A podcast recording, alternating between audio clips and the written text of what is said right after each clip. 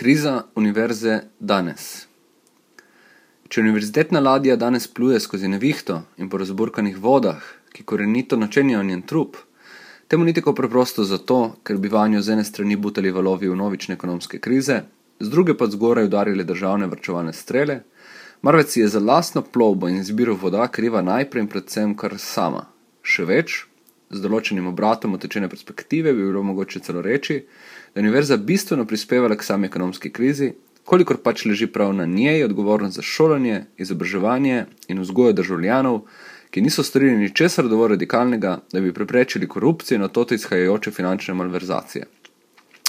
Če je univerza danes v krizi, potem ne smemo zapasti v simplicistično skušnjavo, da krivimo državo, globalni trg in svetovni kapitalistični sistem, marveč je treba iskati razloge najprej in predvsem znotraj nje same, odkudar je šele mogoče razumeti specifiko krize univerze, po kateri se slednja konec koncev razlikuje od krize v vseh ostalih institucijah, ki so danes na udaru.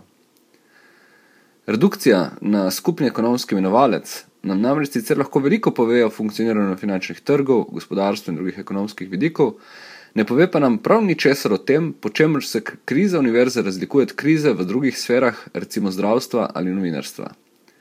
Problem to vrstne ekonomske redukcije je namreč v tem, da v osnovi ne počne nič drugega, kakor to, da v malce modificirani obliki reproducira prav tisti diskurs, s katerim želi opraviti. Druga skušnjava, ki se moramo izogniti, ko gre za razumevanje specifike krize univerze, pa leži v zmotni predpostavki, da je nekoč nedavno v domnevnih zlatih časih univerzitetna ladja plula po mirnih vodah pod svobodnim soncem, kadar iz ribiških mrež vedno kipelo izobilje in kadar si univerzitetnim mornarjem ni bilo treba voskati v šes, da ne bi slišali umomljajočega glasu siren, ki zvabljajo ladjo na smrtonosne čeri. Tisti univerzitetni nostalgiki, ki nam danes poskušajo predstaviti takšno zidealizirano podobo univerze, najbolj pogosto tega ne počnejo zaradi melanholije po starih dobrih časih, kar bi jim lahko še oprostili, marveč predvsej bolj perverzno zato, ker bi radi ohranili svoje lastne položaje in privilegije nedotaknjene. Kaj se namreč dogaja na univerzi, ki je bojda zaradi ekonomske krize tudi sama v krizi in kakšne so njene reakcije? Po eni strani se je vnovič načelo vprašanje šolnin, po drugi strani pa vprašanje prezaposlenosti, ki ne bi bila, po določeni mantri, nič manj kot problem celotnega javnega sektorja. Na katero populacijo potem tako letijo strele in katero generacijo se natanko poskuša potunkati v nemirno morje?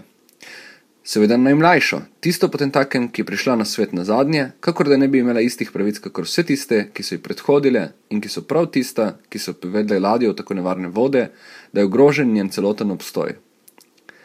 Najmanj, kar je potrebno na tej točki reči, je sledeče. Poti nazaj ni več, nobenega varnega pristana ni, k kateremu bi se lahko vrnili, ko se bodo vode umirile, tako da tisti, ki druge slepijo s tovrstnimi pravljicami, pravzaprav slepijo izključno sami sebe. Da bi zmogli razumeti, kaj se danes dogaja z univerzo, se je potrebno ozreti nazaj, čeprav ne tako zelo nazaj, da ne bi videli več dolžine Kleopatrinega nosu. Dovolj je, da pogledamo v 60. Povojna baby boom generacija je tista, ki posredno ali neposredno današnjim odreka prav tiste svoboščine, za voljo katerih je ne tako nedavno nazaj protestirala po evropskih in ameriških prestolnicah, Pričemer ne smemo pozabiti, da so se takratni protesti začeli prav na univerzi in da so se šele kasneje povezali z delostvom in s tem zamajali temelje tedanje države. Poglavitni problem, s katerim se je morala soočiti takratna univerza, je korenil prav ta isti baby boom generaciji, ki je prišla na svet kot množična družba in svojo množičnostjo temeljito spremenila vse sfere človeškega dejstvovanja, od politične do kulturne. Če pustimo pri kraju problem politične tehnologije in kulturne industrije in pogledamo izključno tisto, kar nas v tem kontekstu zanima, torej odgovor na vprašanje, kako je na problem množičnosti odgovorila univerza, potem brško ne vidimo, da so takratni problemi z določenim faznim zamikom postali naši lastni problemi. Zakasnela modernizacija, fraza, ki se lepo sliši, ne pomaga pa nam razumeti tistega najbolj bistvenega. Diskrepanca med pravicami in svoboščinami starih in mladih, če poenostavimo, med maloštevilnimi starimi univerzitetnimi kadri in množičnimi mladimi, je tista, ki se je takrat, tako takrat kot danes, pojavila ne kot problem, in tukaj leži paradoks, marveč kot odgovor na zagate vdora množične družbe v univerzitetno polje. Paradoks je močan in ni ga mogoče zapopasti z vrednostnimi sodbami. Po eni strani se je univerzitetno polje odprlo vsem tistim družbenim stratam, ki pa prej niso imele ali so imele otežavljen dostop do visokošolske izobrazbe. Tukaj imamo v mislih predvsem sinove modrih ovratnikov. Po drugi strani pa je prav zaradi golega faktorja števila študij postal množičen študij, to je študij, ki se je poblagovil in poplitvil, sledeč statistično fikcijo po imenu Gaussova krivolja. In nadalje, zaradi množičnosti študentov se je izobrazila in zaposlila množica akademskega kadra, ki naj sprovede in privede množico študentov do zaključka šolanja, ko si morajo poiskati službo v razmerah, ko je dela vse več in plačila vse manj. Način, na katerega se je takratnih in današnjih razmerah zaposlovalo, pa je proizvedel vse tisto, čemur se danes pravi prekerna zaposlitev. To je fleksibilna in podplačana zaposlitev brez enakopravnih delovskih pravic.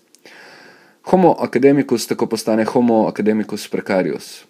In prav tole razliko in diskrepanco med varno zasedenimi akademskimi kadri na eni in prekerno zaposlenimi na drugi se naseljuje specifika univerzitetne krize, ki se kaže kot navidez nepremostljiva zel med tem, kar je minilo in tem, kar šele prihaja.